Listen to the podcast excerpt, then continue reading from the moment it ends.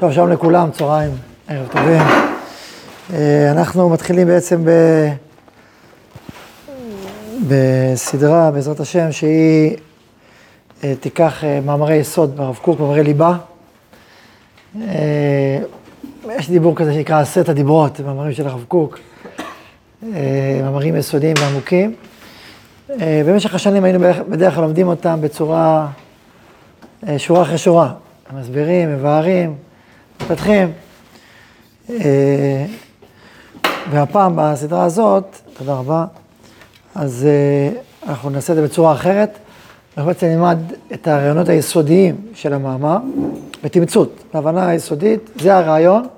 נקרא שורה פה, נקרא שורה שם, אבל עיקר זה בעצם לגבש את הרעיונות היסודיים של המאמר, ובעצם נעבור ככה אה, פרק פרק, עד שאנחנו בעצם משלימים את המאמר.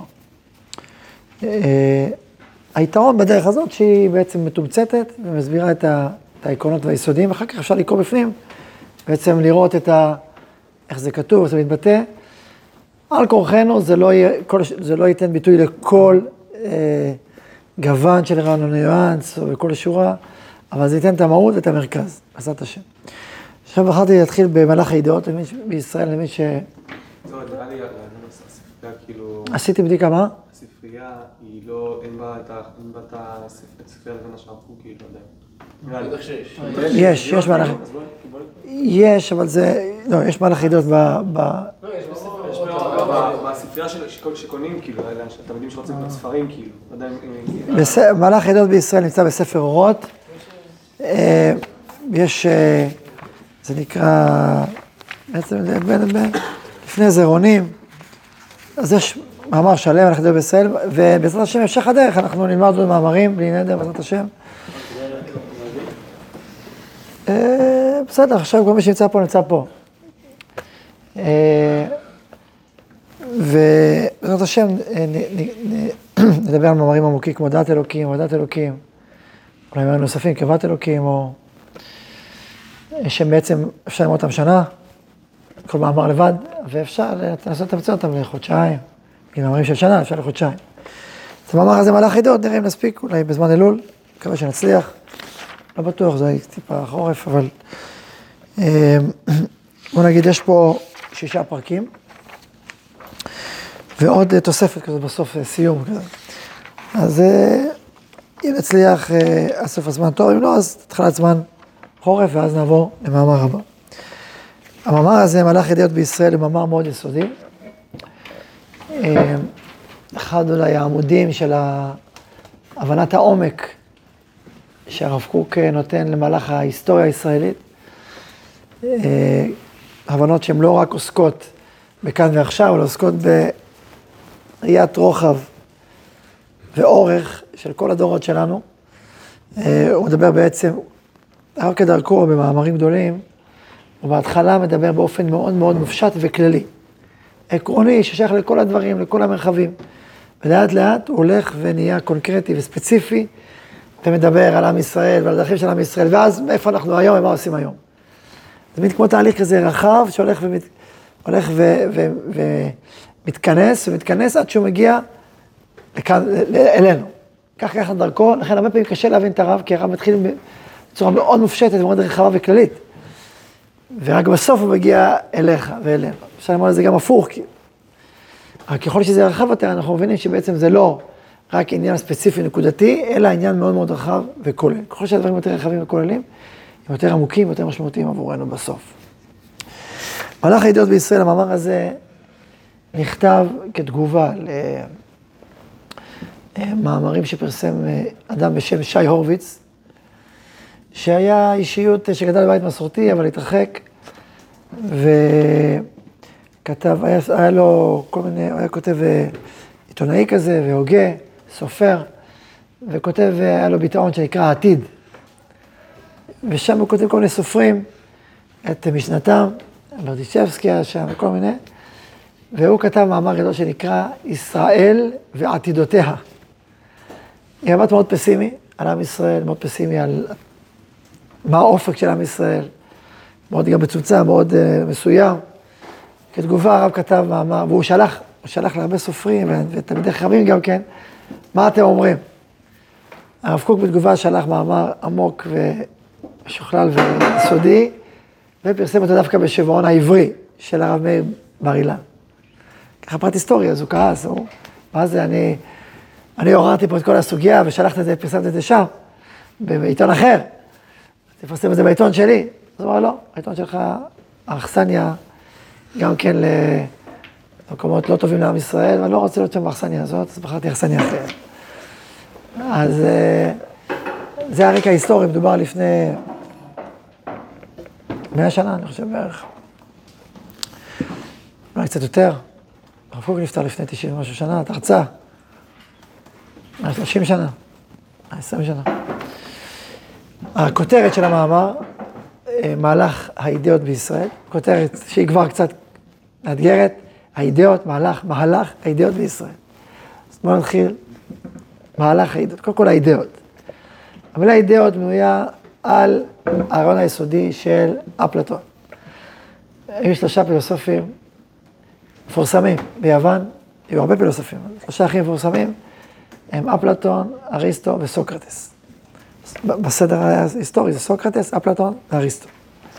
שמאוד השפיעו על התרבות, התרבות היוונית, התרבות בכלל. אה, הרוחני מכולם היה אפלטון. יותר אה, אידיאליסטי ויותר רוחני, נדבר על זה עוד מעט. ובזוהר כתוב, יש משפט כזה בזוהר, שיש בבני יוון שקרובים לאורחה דמהמנותא. והרב קורא כמה פעם שזה אפלטון. אפלטון, הרעיון היסודי שלו, יש לו כמה יסודיים, אבל אחד מהרעיונות היסודיים שלו זה נקרא אידאות. מה זה אידאות? זה בעצם הבנת, המשל, זה קודם כל מתחיל במשל. משל המערה, מה זה משל המערה? אה, נניח שיש הרבה, הרבה אנשים שנמצאים בתוך מערה, וחיים במערה. עכשיו, המערה פתוחה אל החוץ, אל עולם החוץ.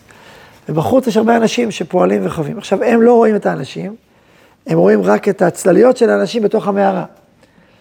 והם כל ככה התרגלו כל החיים, אז הם חושבים שבעצם מה שאתה רואה כצלליות, פועלות ופועמות, זה, זה המציאות שהם מכירים, אין מציאות אחרת. כאשר באמת, זה רק צל של המציאות האמיתית שנמצאת בכלל מחוץ למערה. זה המשל, הנמשל. אנחנו חיים בתוך מרחב של עולם חומרי, ואנחנו רגילים להתייחס לעצמים החומריים, למחירים החומריים של הדברים. אבל באמת, כל דבר חומרי, יש לו בעצם שורש גבוה יותר, רוחני יותר, בעולם אחר, בכלל מחוץ לעולמנו, או מחוץ לעולמנו פיזי, ובאמת זה העולם האמיתי. אנחנו רק רואים את ה... מתייחסים למופע הפיזי, שהוא רק צל מול המופע האמיתי. מה? שניהם בסופו של דבר עולמות אמיתיים, כאילו, לא? רק שזה יותר אמיתי. זה שורש וזה ענף, זה האמת העיקרית וזה השלכה, ביטוי. אפשר להגיד מהות פשוט? אפשר. למשל, אפילו, אפילו מעצבים החומרים, קח שולחן. אז בא פה שולחן, הנה זה השולחן, נכון? אנחנו עוסקים בשולחן, יש פה שולחן, נכון? אבל יש אידאה של שולחן. מה זה אידאה של שולחן? אידאה של שולחן זה הרעיון של שולחן, המהות, ההגדרה. מה זה שולחן? טבלה עם ארבע רגליים שיש בה, שהיא משמשת אדם. אז הרעיון של שולחן, הוא קודם כל לא מתכלה. השולחן הזה מתכלה. עוד 200 שנה, הוא לא יהיה פה כנראה. אבל הרעיון של שולחן יהיה פה. ובגלל הרעיון של השולחן יהיה כנראה שולחן 200 שנה. אז השולחן הזה הוא, הוא ביטוי של רעיון של שולחן. שהוא הרבה יותר אמיתי ונצחי ומהותי, מאשר השולחן עצמו כמופע. אותו דבר כיסא, אותו דבר כל דבר, אפילו אדם. עמים, יש מהויות שהם העיקר, הם היסוד, הם השורש, ויש מופעים פיזיים, חומריים, של אותם השורשים. והאמיתות דווקא הם השורשים, והמופעים החולפים, מזדמנים, אה, ספציפיים, הם החומריים. היה פעם שורש שהתבטל? שהתבטל פעם? זאת שאלה, כאילו, בפשט לא, כי נשאר רעיון. אבל אה, יכול להיות שהיו דברים שעברו מן העולם באופן, ואנחנו לא, לא מכירים אותם, כי הם כבר עברו. יכול להיות. הוא אומר שלא. עכשיו, הרעיון היסודי הזה אה, מתאים לעולם הרוחני הישראלי, שמדבר על זה שהעולם הזה הוא רק סוף של עולמות יותר קדומים ויותר פנימיים. לכל דבר יש שורש רוחני. כולם בחוכמה עשית. אומרים על כל מוצא פי השם יחיה אדם. כל מה שאתה רואה, יש לו שורש רוחני, אפילו שולחן, יש בו, יש, או, או כל דבר בטבע, יש בו שורש רוחני עליון. ככה אנחנו אומרים.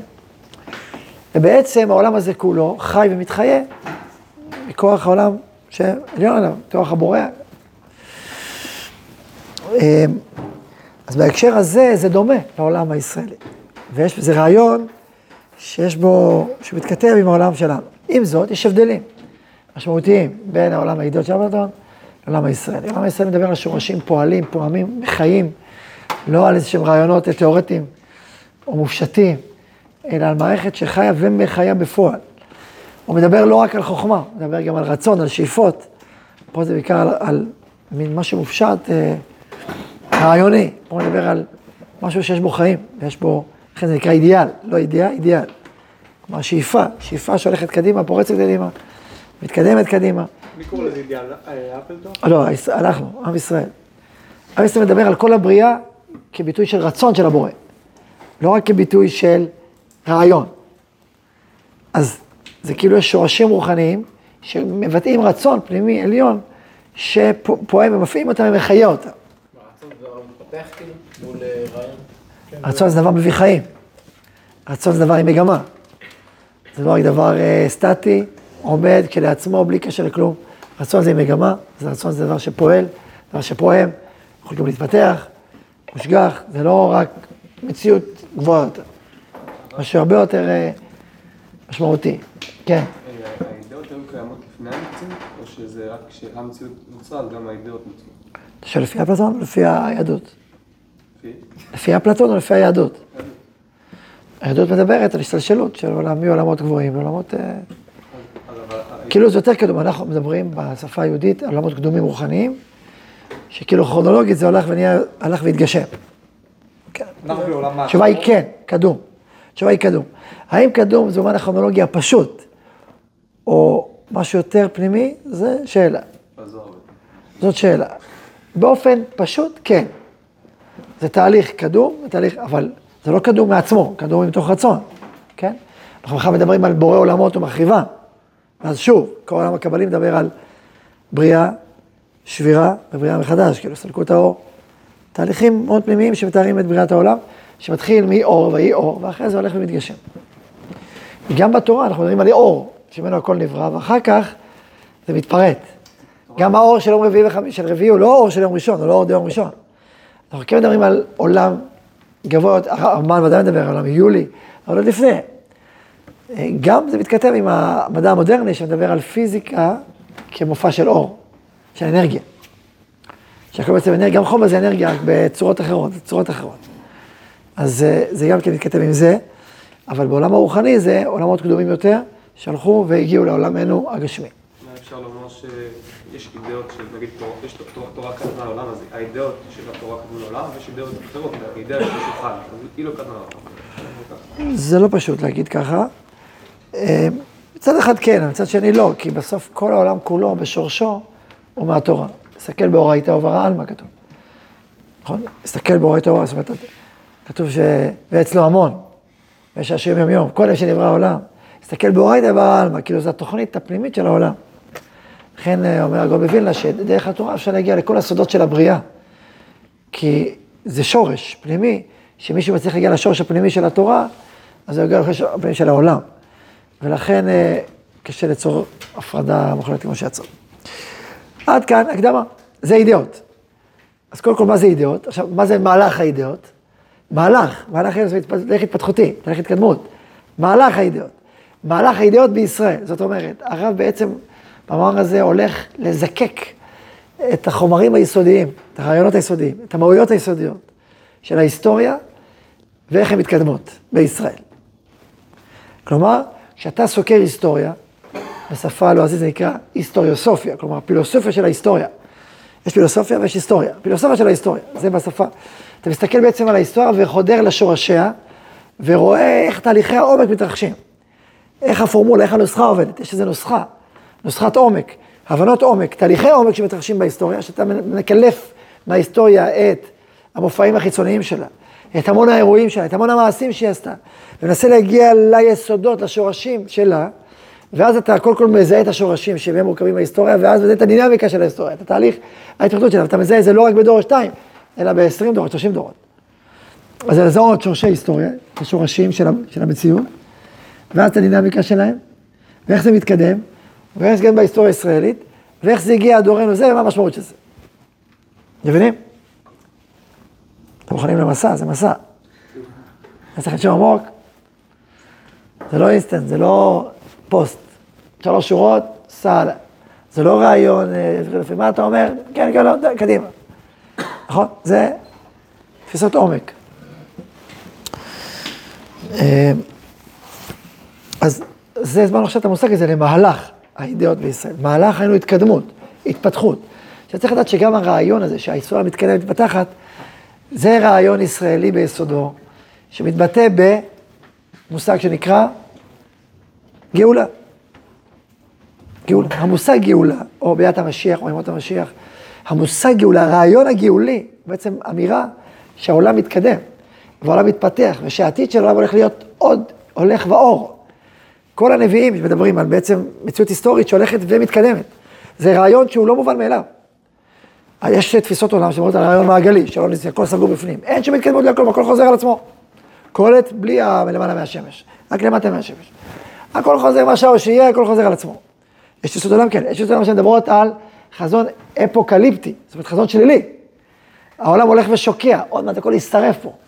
התחממות גלובלית, תראה את ההתחממות, עוד זה, והאומות, הכל הולך לאבדון. יש גם זה, גם, גם זה חשיבה. יש חשיבה שאין שום כלום, זה סתם. לא, לא גלגל, ולא, ולא סתם, הכל אקראי. דטרמיניזם היסטורי, שרשרת שאין לה, אין לה, אין לה שום, אה, אי אפשר לחזות אותה. היא, היא קשר סיבה ומסובב נורא נקודתי. לא דטרמיניזם שאפשר לחוות מראש, אלא מין אה, א' מוביל לב' וג' ג' ד', סתם, הולכים לסתם, אין יד מכוונת, אין השגחה, אין כיוון להיסטוריה בכלל. כל הרעיונות האלה קיימים בעולם. תחשבו באיזה כאוס פנימי אדם חי, אם הוא חושב ככה על ההיסטוריה. העם היהודי מדבר על היסטוריה כציר עיניי, כתהליך התפתחות, תהליך התפתחות. בעתיד, אבל לציון גואל, כל זה דרש, אבל לציון גואל, בעתיד, והנה רצון, אנחנו כל הזמן על ציר של תיקון, על ציר של עלייה, על ציר של התפתחות, שזו חידוש ישראלי לעולם. העולם מאוד הושפע מהחידוש הזה, מאוד אימץ אותו בכל מיני צורות וצדדים, אבל זה לא מובן מאליו, וזאת אמירה ישראלית. האמירה הזו מדברת על היסטוריה כציר התפתחותי. אפשר גם לדבר על uh, מין דילוג, או מין, uh, לא שההיסטוריה מתפתחת, אלא פתאום יבוא לך אדם שהם מבקשים, פתאום יקרה איזה אירוע, פתאום משהו ייפתח והכל ישתנה. אפשר לדבר גם במושגים האלה, אבל קודם כל גם במושגים האלה בסוף יהיה טוב, כלומר יש סוף, יהיה לו טוב, אבל זה לא הפשט של ההיסטוריה. יש, יש גם בתנ"ך דברים כאלה, כמו שאמרתי, פתאום יחסים של הדליגה, ההתפתחות ההיסטורית בצורה של דילוגים, אבל עדיין, עדיין, אנחנו מדברים על תיקון המציאות, אנחנו מדברים על גלות. תסתכלו את, את ספר דברים, עוד מעט נקרא, פרשת כי תבוא, פרשת ניצבים. אנחנו מדברים על, חורב, על חורבן, ואז, ושב השם אשובתך וקיבצך ושב וכל הימים, ובא לשבת לך ולבזריך, להבא את השם אלוקיך בכל לבבך ובכל נפשך. אתה רואה? אתה רואה חורבן ובניין, ובניין של תיקון, ועלייה, והעלאה, ובא לשם לבבך ודבב זריך, כלומר יש פה איזה תהליך של התפתחות רוחנית ונפשית של ודאי עם ישראל. בנביאים אנחנו גם רואים את ההשפעה של זה בעולם כולו. שהלכו רבים רבים אל הר השם, ובאו כולם ביחד, ו... וכבוד השם עלייך זרח, אנחנו מדברים על חזון של אור, ושל תיקון, ושל עתיד נשגב, שבעצם אנחנו הולכים לקראתו ושותפים ביצירה שלו גם כן. אז זו תפיסה ישראלית, שהיא בעצם מדברת על התפתחות היסטורית. זה לא חידוש של הרב קוק, זה, לא, זה חידוש שלנו, שלנו כאומה, זה חידוש של הנבואה, כן? הרב לקח את זה ושכלל את זה עוד ועוד, וגם הראה את זה. עכשיו, בעולם הכללי, הגויי, החשיבה שיש דינמיקה להיסטוריה והיא מתפתחת, מתקדמת, זו חשיבה שהתפתחה בעיקר ב-200 שנה האחרונות, 100 שנה האחרונות, בסוף כמו הגל, הדינמיקה של ההיסטוריה, ההתפתחות של ההיסטוריה, קרל מרקס דיבר באופן אחר, כל מיני פילוסופים שדיברו על אה, שלבים והתפתחות של ההיסטוריה והראו את זה בכל מיני צורות בסוג הראייה שלהם. יש ספר יפה שנקרא יהודי, כן, בתפיסה היהודית, מעניין שנקרא עתיד ישראל והמשות של הרב אה, אייזנברג קוראים לו. זה מאוד מעניין יפה שהוא הוא ספר שכתב אה, כמו פרוגרמה, כמו, כמו דומה למהלך הידיעות, מזווית אחרת על איך ההתפתחות העולמית מתקדמת, גם בהתפתחות בצורה של, אה, של כאילו קצה אחד, קצה שני, ריכוך, וריכוך מדבר על, על תנועה מהכפירה לאמונה, וכל פעם מתפתחים עוד, ומזדקחים עוד. יותר ויותר. זה נקרא סובלימציה, כל איזה עידון של האדם. ימינה שמאלה, ימינה שמאלה, זה ספר מאוד יפה, קראתי ספר פשוט מעניין, כדאי לקרוא אותו.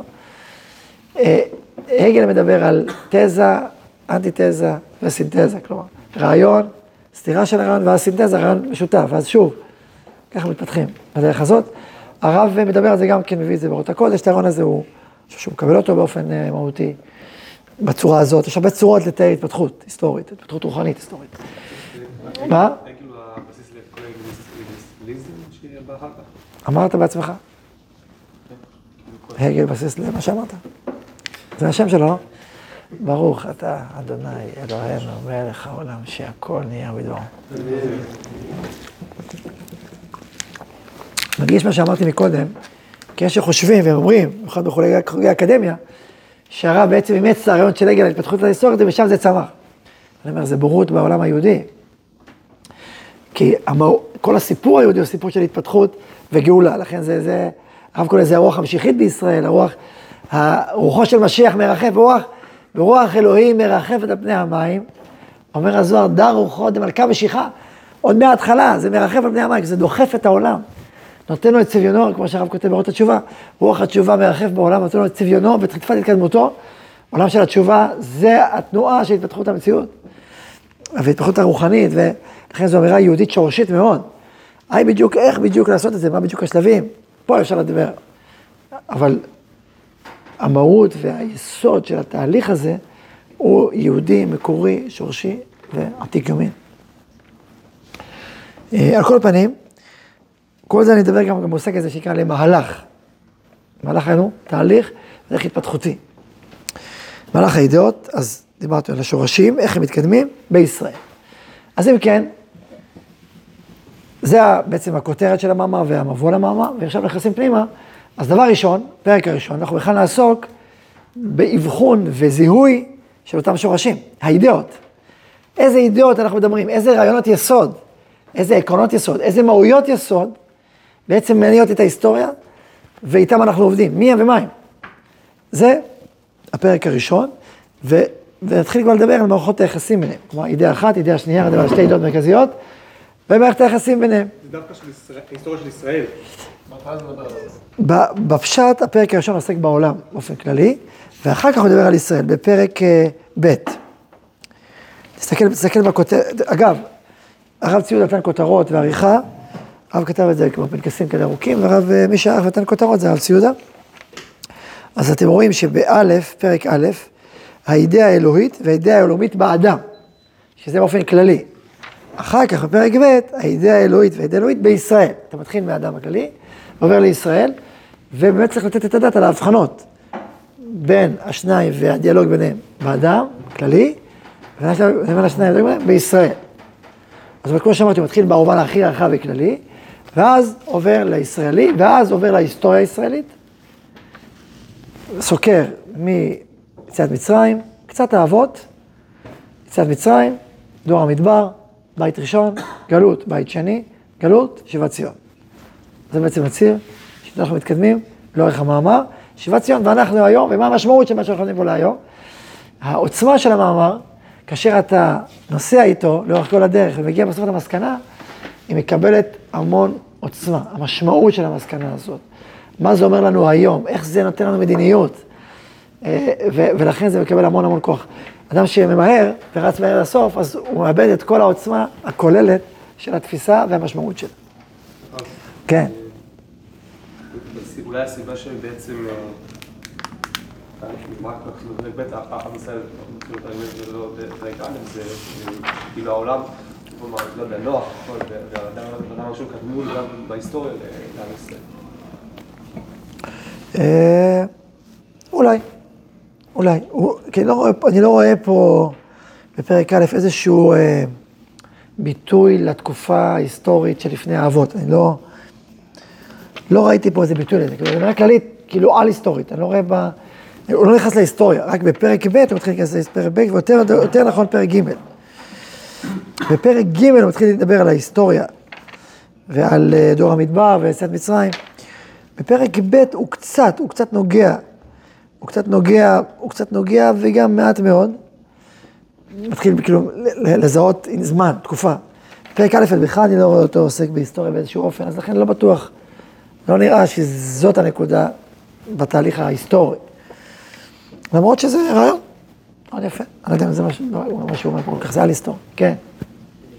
האידאות עצמם עברו תהליך?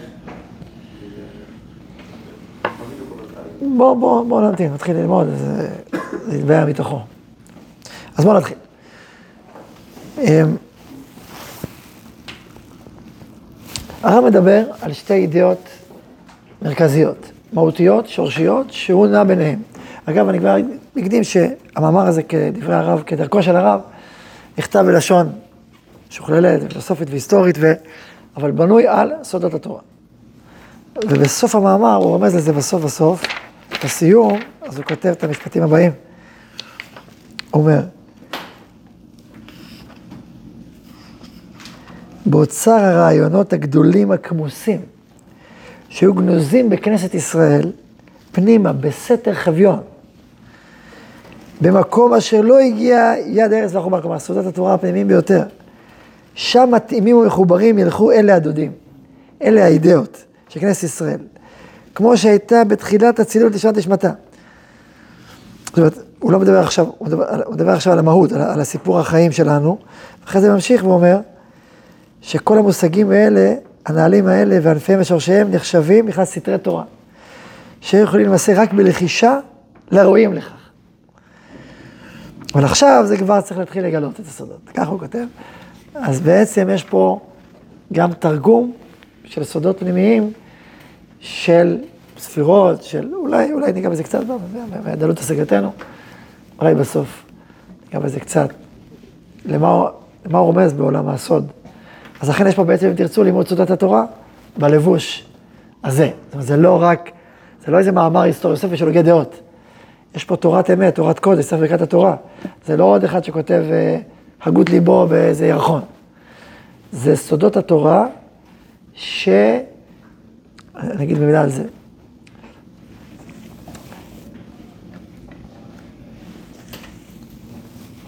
יש בעולם הסודות דברים שהם נמצאים כסוד ונשמרים כסוד.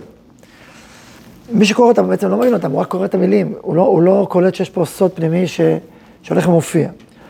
עכשיו, מי שלא ראוי לגילוי הסוד, זה לא טוב שהסוד יגלה אליו, כי הוא לא יבין אותו נכון ויכול גם להזיק לו.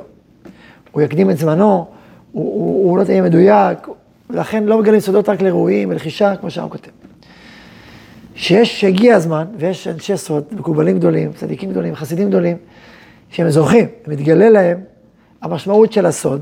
כשאתה קורא את המשפטים האלה בעולם הסוד, אתה לא מבין מה זה, פתאום מתגלה לך מה הכוונה.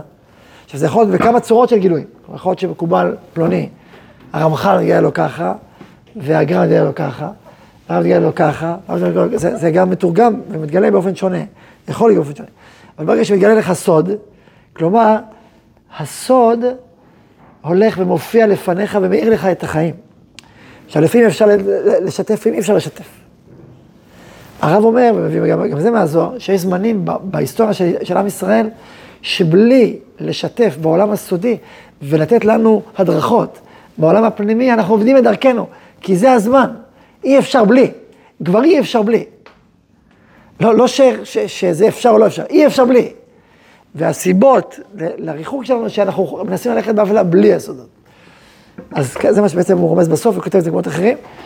אז לכן בעצם שצדיקים גדולים, נשמות כבירות, מתגלים להם סודות התורה, אז, והוא הרב כותב על עצמו שהוא עמל, עמל מאוד לדעת מה לגלות, מה לא לגלות, עד כמה לגלות, באיזה רמה להנמיך, הוא אומר את זה בהקדמה להראות את התשובה, כמה להושיט רזי עולם, ואיך לעשות את זה, ושלא יותר מדי, שיהיה מדויק, שיהיה מכוון, וגם בשפה נגלית, בשפה שאתה חושב, אתה קורא מאמר היסטוריה סופי. אבל זה לא היסטוריה סופי, זה תורת אמת, זה תורת קודש, זה סודות התורה. זה דברי תורה, ש- זה קדושים ש- ש- שמתלבשים ומדברים בשפה, שאני רוצה עוד להוסיף עוד טוב, ראיתי באיזה פרופסור שהוא דווקא יהודי ירא שמיים, ויש דברים יפים בדברים שהוא כותב, אבל הוא טועה בכל אה, צורת ה, אה, ההבנה שלו את הדברים האלה. הוא ראיתי שהוא כותב משפטים כאלה. כשהרב מדבר על, מביא אה, מושגים בתורת הסוד, אז הוא כותב ככה, הרב אה, לצורך הרצאתו והסברת רעיונותיו, השתמש בסמלי הקבלה. ואז לכן הביא את המושג הזה והזה. ככה, ככה הוא מנסח. עכשיו, זו טעות, בעיניי טעות שלא מבינה את האירוע. למרות שהוא פרופסור חשוב. למה? כי זה לא שהרב השתמש בסמלי הקבלה, הרב לימד אותנו את הסודות. הוא לא, הש- לא רעיונותיו, שהוא רצה לתת ביטוי לרעיונותיו, אז הוא חיפש אה, דרכים לבטא אותם. מצא מושגים בעולם הקבלה ודרכם, הוא ביטא את רעיונותיו. אז מה אנחנו יודעים עכשיו את רעיונותיו? מה זה, מה זה המושגים? מושגים בסך הכל כלים ומשלים לרעיונות שלו. הפך את, ה, הפך את העניין. זה בצורת הפוך בדיוק.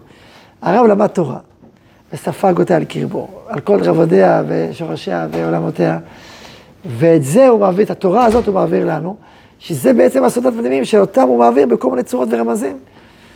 את, את, את התורה הזאת שלמדנו, אז זה לא רעיונותיו, זה בדיוק הפוך. בסדר? הבנתם את ההבחנה הזאת? הבחנה חשובה? נכון, הוא למד אצל בעלי לשם בקבלה וגם בוולוז'ין. ונגלה, הוא למד וולוז'ין, והוא למד חודש אצל בעל הלשם, והייתי מתכתב איתו, לא יודע, אפשר להגיד שהוא מורו ורבו בקבלה, לא יודע, אפילו הוא אמר פעם על עצמו שהוא מורו ורבו. לא זוכר ש, שראיתי באיזשהו ציטוט שככה הוא אומר. הוא למד אצל בעל השם, ויש מקומות שמאוד מדגישים את זה, כי באמת שהכל בא מפי רב, וזה ודאי נכון. ועם זאת, ועם זאת, אה, ההשגות שהרב הגיע אליהם, והמעוף, זה ברור שיש הרבה אה, שפרצו הרבה את ה... שהם קשורים לרוח הקודש, הם קשורים לנשמתו של האדם ללמד אותו לעשות את התורה. יש גילוי אליהו, יש... הגר"א אצל מעמד קבלה. שאלה. לא רק קבלה, גם נגלה. כאילו יש כאלה שעושים שהשם הגיע עד הגר"א, עכשיו מה עושים? שאלה, תחשוב על זה. אז, אז יש אנשים גדולים כל כך, שהם למדו מכל הספרים של כל הדורות, וזכו לגילויים עליונים. וגדולי דורם הכירו בהם בגדותם העצומה. מי, מי יכול להגיד שהוא גדול או סתם שרלטן? גדולי הדור, גדולי ישראל. חכמי ישראל, צדיקי ישראל, שעבדו בעצמם תורה יומם ולילה, רואים, אומרים, וואו, זה... איזה גודל, איזה תפארת. ואם זה לא אחד, זה עשרות או מאות. אריזל, מי הוא קיבל? מה, מהמשנה המקובצת? הוא קיבל את זה בנגלה, בסדר. מהרמ"ק. זה ברור שזה השגות עליונות שהוא זכה בהן. וגדולי ישראל בכל החוגים, בכל הדורות, כי אמרו, מקודש מקודש, כולל ביקורתיים ביותר. אז... טוב, זה הערת אגב, בוא, בוא, בוא. זהו, אבל ברב קוק היה חלק גדול מהציבור מצוות, קצת פחות קיבל. לא ניכנס לזה עכשיו. זה לקח אותו למקומות אחרים, בואו נתחיל. אז דיברנו על שתי אידאות מרכזיות, מהותיות, שהרב קורא להם ככה סגנון החיים וסגנון המחשבה של האדם, הכוללים את כל מהותו, מתבלטים הם במלוא תוכנם בשתי רעיונות או אידאות, בר- ברעיון החברה וברעיון האלוקי.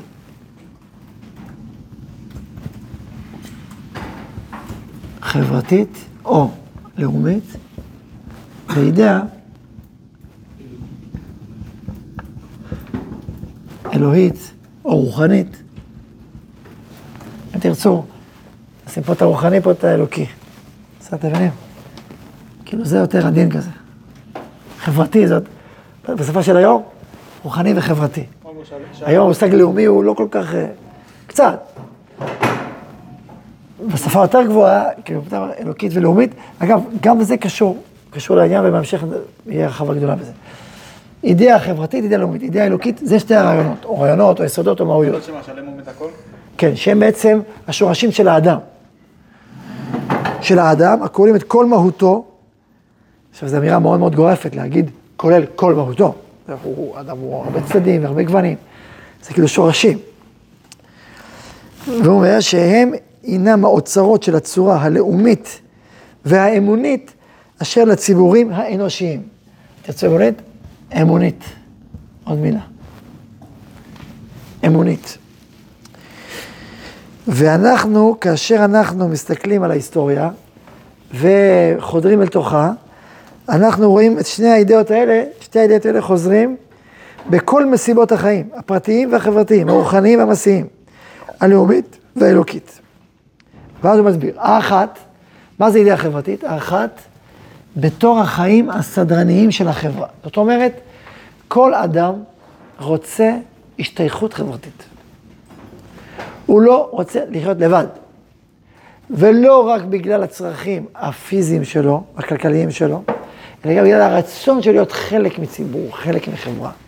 זה יכול להיות קהילה, יכול להיות משפחה, יכול להיות עם ברמה הכי גדולה, עם. אבל אתה רוצה להיות חלק מציבור, חלק מחברה. תחשבו כמה מערכות כל העולם החברתי יוצר. סוציאליות ורווחה, המון המון מערכות ש... מה, מה המדינה פועלת, או הקהילה פועלת, או המשפחה פועלת. כל התקשורת החברתית, כל הנטייה אל החברה, והמשמעות של הנטייה הזאת, והרצון בכלל להיות חלק מחברה, חברתיות, זה שורש אחד שנמצא באדם. נקרא לו האידאה החברתית, הרעיון החברתי, שברמה הכי עוצמתית שלו זה מדינה. אנחנו מדינה, אנחנו עם, אנחנו יחד, עם אחד. במושגים יותר מצומצמים זה יכול להיות קהילה, יכול להיות משפחה, חבורה. זה מהאדם. אבל למה? כי זה מה שאדם רוצה, ככה זה יוצא מתוכו. אין הסבר. ככה זה. ככה נולדנו, מה אתה רוצה? זה עצם האדם בעצם. ככה נולדנו. שאלת למה אלוקים ברא את זה, כאילו. שאל אותו? כן. יש מקומות אחרים, על זה גם, אבל נעזוב את זה. זאת עובדה. הוא אמר שבהכי עוצמה בעם או מדינה, ולא האנושות כולה, כאילו, זה הכי עוצמתי בחברה? האנושות כולה לא מתפקדת כאנושות אחת. אפשר לדבר על זה גם. מדינה לא. מדינה כן. מדינה יש לה גבולות, כשיש מלחמה אז האומה לוחמת מול משהו. יכול להיות, יש איזו מידה מסוימת שהאנושות כולה לוחמת מול אה, חייזרים, מול ההתחממות הגלובלית. מול. מול. מול ה... אחרת הסביבה. קורונה, יפה. מול הנגיף, אני לא יודע אם כולם לוחמים. יש כאלה שמביאים. יש לדעת, זה קונספירציה.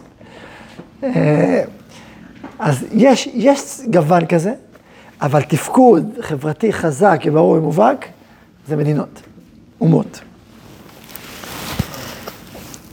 שנייה, כן. היום הרבה אנשים יגידו לך שהם לא מזדהים עם אידאה חברתית, אבל הם לא חושבים שיש כזה דבר כזה אידאה. אוקיי, בסדר. נשאל את השאלה הזאת, נניח לה, חברתי ולא לאומי. בסדר, אוקיי, בוא, נניח לזה, לשאלה הזאת רגע. על כל פנים, אני מדבר עכשיו, אנחנו מדברים עוד קודם. אז זה האידאה החברתית. כל ציבור, כל אדם, כל חברה, מורכב באיזשהו להיות חלק ממשהו. תראו, תבדקו ותראו שזה ככה. או משפחה, או קהילה, או אומה. נכון? תעודת זהות שלך. זה חברתי. שתיים, אלוקי. אמוני, רוחני, רוצים להוסיף עוד, עוד משהו שמתאים לדור שלנו? גם ערכית. זאת אומרת, כל אדם יש נטייה לנשגב, לנאצל, לרוח, למשהו שהוא מעבר לחיים הפשוטים. הנטייה האמונית, השאיפה לקודש, השאיפה למשהו אחר, נאצל, ככה זה. אדם לא יכול לחיות רק בעולם חומרי. לכן בכל ההיסטוריה אנחנו מוצאים את הנטייה האמונית מאוד מאוד חזקה. בדורות הקדומים, עבודה זרה. עבודה זרה זה ביטוי של נטייה אמונית כאשר היא נפלה והשתפלה לעבודה זרה, אבל המהות שלה, השורש שלה הוא רצון למשהו נשגב, משהו גבוה. לכל אומה היה אלוהים. חדל לך מאלוהים אשר אם יבלו ישחיתך. אשר יש לך כמו של זה אמר פרעה נכו, יאשיהו. יש את שאומר יפתח ומלך מואב, מלך עמון. שורש לך כמו שהולך אותו תירש. כל המיתולוגיות, כל העמים האלה מיתולוגיה. למה מיתולוגיה? תחיה בלי אלוהים. למה צריך אלוהים? לא, יש איזושהי נטייה שהיא מעבר, שהיא באה מעבר. היא, היא רוצה לקרוא אותך למשהו שהוא מעבר אליך יותר גבוה. וזה נכון בעבודה זרה, זה נכון גם אחר כך. כל הדתות הגדולות הן בעצם מזון רוחני לאנושות. והאומות, הקיבוץ החברתי, גם כן צריך איזשהו משהו רוחני שיהיה איתו. אז פעם זה היה עבודה זרה, אחר כך זה היה גם דתות. האומות הנוצריות, האומות האסלאמיות, גם אין יש הרבה כאלה, כן, הרבה מאוד. האסלאם, העקרונות של האסלאם, הדת שלנו כמדינה, יש לנו דת מדינה, הדת של המדינה הזאת היא הדת שלנו. היא, היא נותנת לנו את, ה, את, ה, את התוכן הרוחני לקיבוץ שלנו, החברתי. נותנת לנו איזה שהם, עכשיו אל תגידו במקום שכבר אין דת. זהו, כבר עברו, אין דת, כפו... ערכים. יש ערכים, יש עקרונות שהוגנו לנו להיות משהו אחד. אז גם עקרונות כמו, אני יודע מה, שוויון, דמוקרטיה, במובן שיש בזה ניצוצות של, של משהו יותר גבוה, כן, אתה רוצה לדבר על חופש. חופש זה איזשהו אידיאל. אתה רוצה לדבר על... זה, אני, אני, דת הדמוקרטיה, זה הדת. הרי מה קורה היום? היום יש קנאים. קנאים לדת, הם קנאים? יש קבוצה שהם קנאים, דתיים מאוד, כמו יהודים טובים. רק אה, למקום הלא מדויק, והם קנאים, וחרדים גם כן, ונלחמים, ומוכנים לעשות הרבה דברים, ולשרוף דברים, ו... כי הם קנאים. זה, לא, זה מתחיל מקנאות, זה לא רק קנאות, יש הרבה דברים שהם סתם פחדים, אחרי זה פחדים אנשים פשוטים, יש הרבה דברים, הרבה חלקים, אבל חלק משמעותי זה הסיפור הזה, קנאות. עכשיו, עם כל זה, תגיד, גם בהפגנות, יש איזה רמות רוח כזאת, יש כל הציבור, כולם באים למה? יש איזה עניין, יש איזה אידיאל, משהו מתחבר. אנחנו שייכים לאיזשהו משהו, לאיזשהו, גב- נלחמים עבורו, מקריבים אליו, וככל שאתה מקריב יותר עבורו, זה יותר מרומם. זה יותר משמעותי, זה יותר אני מוכן בלילות וזה. מה, יש משהו, יש, יש איזה ערך. וכאשר קיבוץ חברתי, לא, עכשיו, אם יש לך, מתחיל להתקבץ חברה, סביב גיאוגרפיה, סביב טריטוריה, סביב תרבות, סביב לשון, סביב עם, אבל אין לה איזשהו ערך רוחני שמתחבר אליה, זה לא עובד. תמיד צריך איזשהו, אותה נטייה רוחנית של האדם, מתחברת בחברה לאיזשהו הקשר, לאיזשהו חיבור בין הערכים של החברה, הדת של החברה, עבודה זרה של החברה, לבין החברה. ואז החברה בעצם בנויה, המציאות בנויה מחברות עם ערכים, חברות או אומות עם אמונה. עבודה זרה, עם אלוהים, ברמה הכי בוטה, זה האלוהים שלנו. הקדרים, יש לכל אחד יש אלוהיו, כל הרבים ילכו יש בשם אלוהיו. עכשיו, גם בעולם המודרני, שאגב, הרבה מאוד ממנו יש אומות נוצריות או נוצריות, אבל יש, יש לו ערכים, יש להם איזה, אז אנחנו, באומה שלנו, זה הערכים. עם הערכים, בערכים אנחנו דוגלים. ואנחנו לא מסכימים שזה, זה חלק מאיתנו, זה חלק מהזהות שלנו, זה חלק ממה שהופך אותנו לחברה ועוזר לנו, זה כאילו כמו איזה שאר רוח, או איזה בשורה, או איזה חלום, או איזה דבר שאנחנו נשים בתוכנו, והוא מזין את החברתיות שלנו. ואז החברתיות נותנת לרעיון הזה איזשהו גוף, איזשהו הקשר, ואותה רוחניות פנימית שבשורש היא נטייה אימונית, נותנת לאותה חברתיות איזשהו ערך, נעלה, איזשהו חיים, איזשהו משמעות. היא נותנת להם משמעות לאירוע החברתי הזה.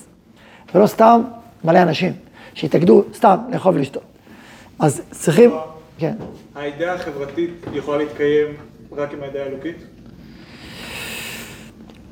אה, אה, בדרך כלל זה בא ביחד. יש קשר בין השניים, וכל חברה צריכה ערך. כל אחד בשביל להתקיים באופן אה, משמעותי לזמן. ברגע שחברה בטל הערך הפנימי שלה, היא גם בטלה באיזשהו שלב. הרב, אז למה לא לנסח את זה שזה שתי רעיונות אידאה אחת? כאילו, רק- אה, שמתבטאת בשתי דרכים. אבל זה שתי, זה שתי נטיות, זה שתי דחיפות, דחיפה אחת חברתית. אצל עם ישראל זה נדון בהמשך, אבל אצל, בכלל זה שתי דחיפות, דחיפה חברתית, דחיפה רוחנית. יש עולם של חברה, והחברה זקוקה, מתוך הדחיפה הרוחנית שלה, האמונית שלה למשהו שהוא ערכי. וביחד הם עובדים. מה קורה כאשר יש אומה או חברה שהיא כבר מאוד תוססת ומשוכללת, וזה כבר, אומרת, עזוב אותי מה- מהערכים, לא רוצה. לא רוצה שום נטייה רוחנית שתהיה קשורה אליי באופן רוחני, כי זה, זה כהן לי מדי, זה, זה ממית את החיים, אני לא אוהבת את זה. אז מה יקרה לחברה הזאת, אומר הרב? היא באיזשהו שלב, מה שיקרה זה שהיא תהפוך להיות חומרנית ונהנתנית, הרי צריך לשאוף למשהו. אז למה תשאף? לא למשהו חומרי. ואז מה יקרה? באופן טבעי כל, כל הפרטים יישאו ראש, כי אין משמעות באמת לנו כחברה, והדחיפה הנהנתנית תתקדם, ואז במפנים יתחיל לרקב, עד שתתפרק. אגב, זה מאוד מתכתב, אם אתה נותן לכם למטה, החברה הלאומית שבאה ממשעול צר, שנדמה לה שהיא מוכרחת להינזר מרשות יצחק ראייה, תחל לחוש את מאחוריה בזמן קרוב. החומריות תימצא לה אז לחברה הנחנקת. תחת סבל מסע החיים מחוסרי המטרה, הטעם והתוכן. הם יחיו בחיים חסרי מטרה, חסרי טעם וחסרי תוכן, כי אין שום משמעות לכלום. ואז החומריות תנסה לפתור את הבעיה. תכניס לה רפואות של תעלה, על ידי שיטותיה השונות, שיטות של מהומה, בסיסים ראויים של רכוש קלה וכן חלקול נמוכים הון ועוד, כלומר המון חומרים וסרטים והצגות ותיאטרונים ו- וכל מיני מופעים ודברים שיצאו לתת, אה, לנענע את העולם החומרי ולתת אותו בהמון המון צבעים ו- ו- ושיטות, זה מה שקרה לרומא אגב, באיזשהו שלב, כדי להחיות את הרוח, אבל בסוף לא. בסוף החיים האלה התנבלים, אה, תאוות חיים של גסים, שהולכים ומתנבלים, שאין בהם נחת וחמדת לב טהור. אז בהתחלה תנסה איכשהו לעשות משהו, מוסד טכני, אבל לשווא. מאומה לא תישאנה בעמלן, המוות השחור, הדומם והקר, לא יוכל להחיות. רק עם מקור חיים יכולים חיים להיות מפקים ענובים. זאת אומרת, בסוף זה יתפרק, כי אין לה משהו רוחני, משהו אמוני, משהו ערכי, משהו פנימי שנותן מזון פנימי לאותו קיבוץ חברתי. אז מה למדנו היום?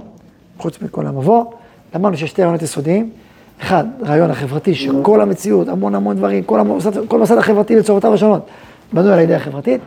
דיברנו על הרעיון הרוחני, שהמון המון מוסדות, דתות, עבודות זרות, ערכי, הכל הכל הכל מונע מתוך אותו תנועה רוחנית, שזה המון המון מערכות שמונעות מהידיעה הרוחנית, האמונית, ודיברנו על זה שצריך להיות קשר ביניהם כדי שקיבוץ חברתי משמעותי יתקיים, הוא מתמזג עם איזשהו ערכים, עבודה זרה או אמונה, שנותן לגוף הזה איזשהו רוח, וזה בעצם מה שמייצר את האומה, או את החברה, עם תוכן, עם גוף.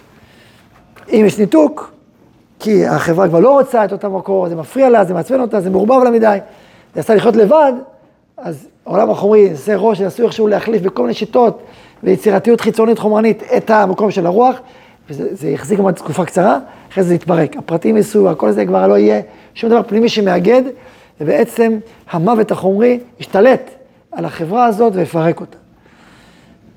שלא נסיים בזה, אז כשהוא ממשיך הלאה בפרק הבא, אז הוא מדבר על, ה, על עם ישראל, איך, איך הוא נבנה, איך הרעיון החברתי שלו נבנה סביב הרעיון הרוחני שלו.